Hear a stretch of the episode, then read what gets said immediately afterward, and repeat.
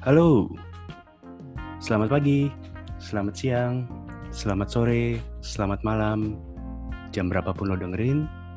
Thank you for listening. Gue Angga Atop, dan ini podcast gue.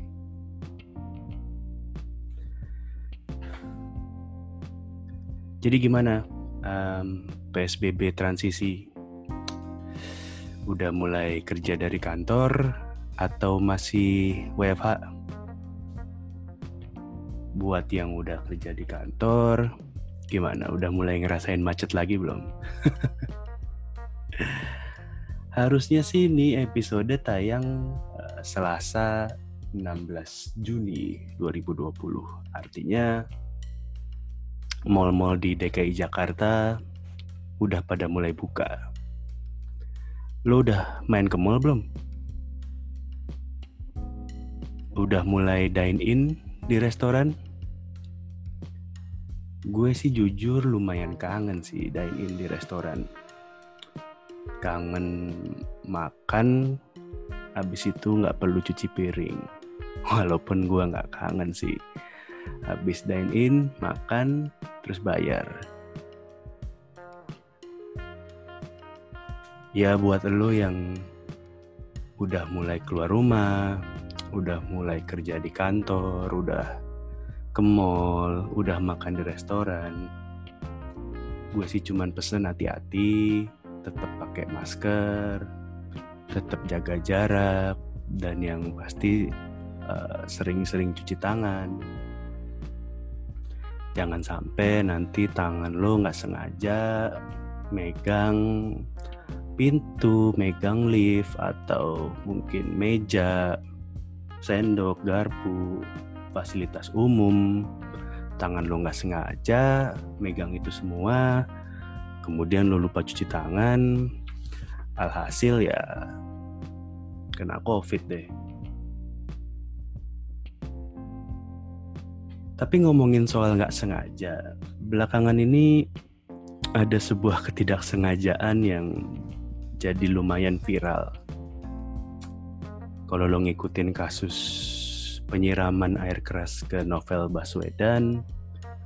Akhirnya kemarin jaksa penuntut umum menuntut terdakwa dengan satu tahun penjara karena dianggap terdakwa tidak sengaja menyiram air keras ke muka novel Baswedan. Uh, konon sih terdakwa cuma pengen kasih pelajaran ke novel Baswedan dengan cara nyiram air keras ke badan eh tapi malah nggak sengaja kena muka. Alhasil ya dakwaan primernya tidak terbukti dan terdakwa cuman uh, diberikan dakwaan subsidiar satu tahun penjara. Dan dari situlah akhirnya nggak sengaja tidak sengaja tak sengaja jadi viral di internet. Jadi meme jadi topik yang trending di Twitter, Instagram, Facebook.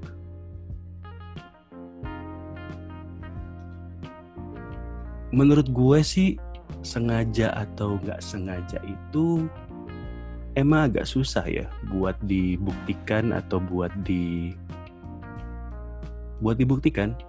Maksudnya kayak lu sengaja atau nggak sengaja, kadang emang cuman lu sama Tuhan yang tahu niat asli lu lo butuh saksi, butuh bukti-bukti, butuh ketelitian buat ngebuktiin bahwa emang sengaja atau nggak sengaja.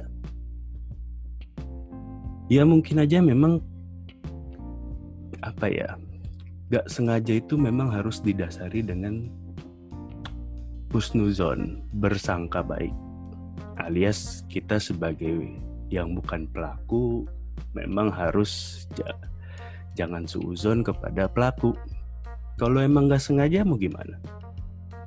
Contohnya nih, kalau lo tahu Desi Ratnasari gak sengaja lewat depan rumah mantannya, sampai akhirnya dia tahu di situ ada tenda biru, kemudian dalam hati bertanya pernikahan siapa? Jelas dia nggak sengaja. Kalau dia nggak lewat, dia nggak akan tahu. Karena dia nggak diundang. lu pasti kan ada terbersit benak bahwa ya nggak mungkin lah Desi Ratnasari nggak sengaja lewat dia pasti sengaja dia pasti pengen stalking Hey, kalau misalnya Desi Ratnasari dari arah Blok M mau ke Grand Indonesia, kemudian rumah mantannya ada di Sudirman, ya nggak sengaja lewat lah. Dia mau lewat mana lagi coba? Jangan suzon lah sama Desi Ratnasari. Gua kasih contoh lain lagi nih. Ada orang, seorang youtuber atau selebgram mungkin, gua nggak tahu sih persisnya dia apa titlenya namanya Indira dia ngomong di interview atau di podcastnya Grite Grite. Kalau dia nggak nyaman pakai masker dan cuman mau pakai masker kalau ditegor aja sama orang lain. Dia juga bilang kalau habis makan dari ojol sorry sorry habis terima makanan dari ojol maksud gue dia nggak pernah tuh cuci tangan. Nah, akhirnya dia klarifikasi karena pernyataan itu bikin dia viral. Akhirnya dia klarifikasi bahwa dia adalah seorang introvert dan dia nggak sengaja ngomong itu. Si, dia nggak bermaksud untuk melecehkan atau underestimate meremehkan COVID. Dia cuma nggak sengaja ngomong. Dia orang introvert lagi-lagi ya lu nggak boleh suzon sama dia oke. Gue kasih contoh satu lagi. Ini contoh terakhir deh. Contoh yang menurut gue sebuah ketidaksengajaan adalah anduk. Anduk nih. Anduknya Siska E nya 3 itu gue yakin banget nggak sengaja melorot pas kalau ada ojol datang bawa makanan buat dia. Ya gimana ya, gue yakin sih si Sky pasti lagi pesen makan lewat ojol, kemudian abis itu dia mandi, eh pas dia kelar mandi ojolnya pas dateng. Dia buru-buru, anduknya nggak nggak kenceng mungkin atau nggak mengikat dengan kuat atau mungkin anduknya yang lagi dia pakai mungkin lagi yang kekecilan ya nggak sengaja melorot anduknya si Sky nya tiga. Ya jangan suzon lah sama orang. Ya karena lagi-lagi suzon itu menurut gue eh sorry.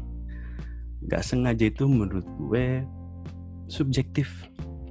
Sulit dibuktikan jadi ya mungkin Pak Jaksa berpikir positif, berbaik sangka bahwa para terdakwa itu memang ya jujur bilang dia tidak sengaja menyiram dan tidak sengaja mengenai muka.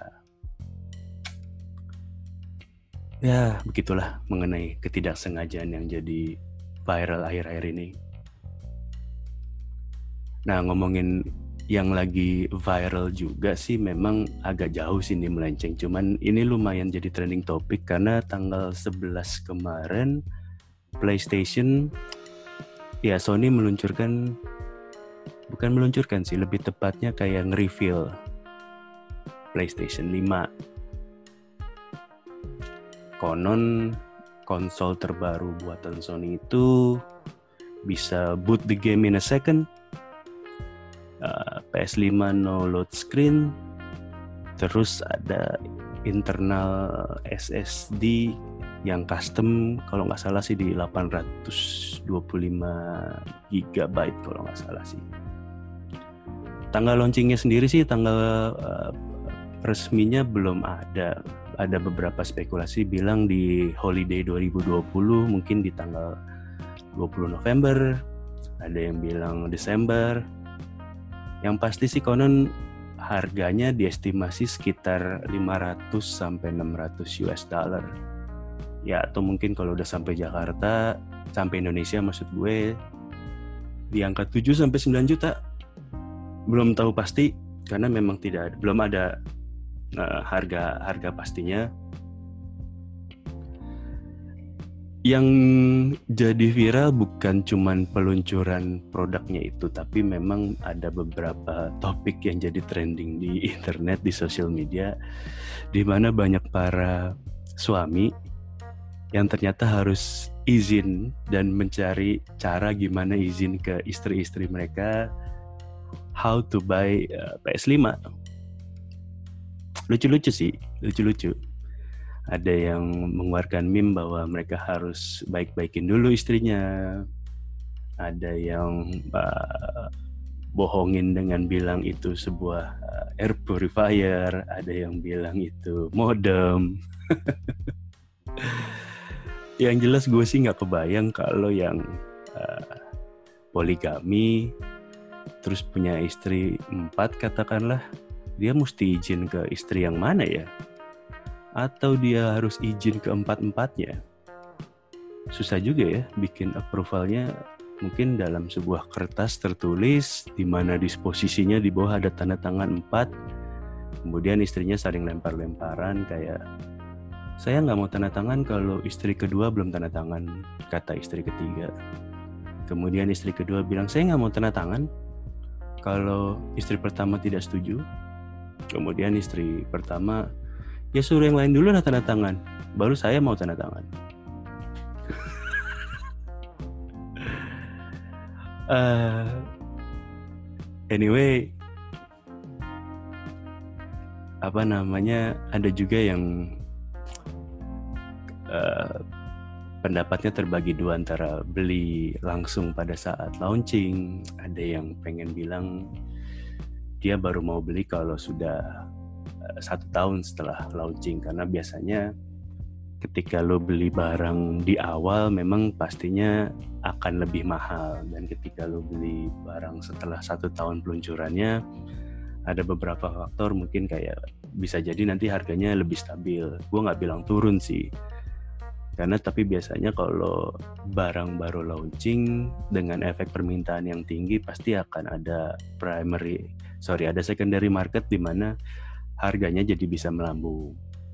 Kemudian mungkin kalau setelah lo beli satu tahun peluncuran akan ada second barang-barang second mungkin ada yang memang orang-orang yang mau menjual lagi PS5-nya dan yang pasti biasanya barangnya lebih stabil dalam artian kadang ketika satu tahun setelah peluncuran segala software sudah diupdate bug-bug sudah direvisi uh, ya balik lagi sih kalau kita mau ngomongin masalah produk apakah lo mau beli sekarang atau nanti ya balik lagi ke lo nya sih.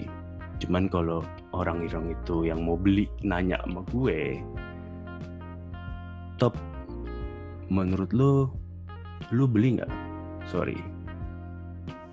Top menurut lo gue beli nggak? PS5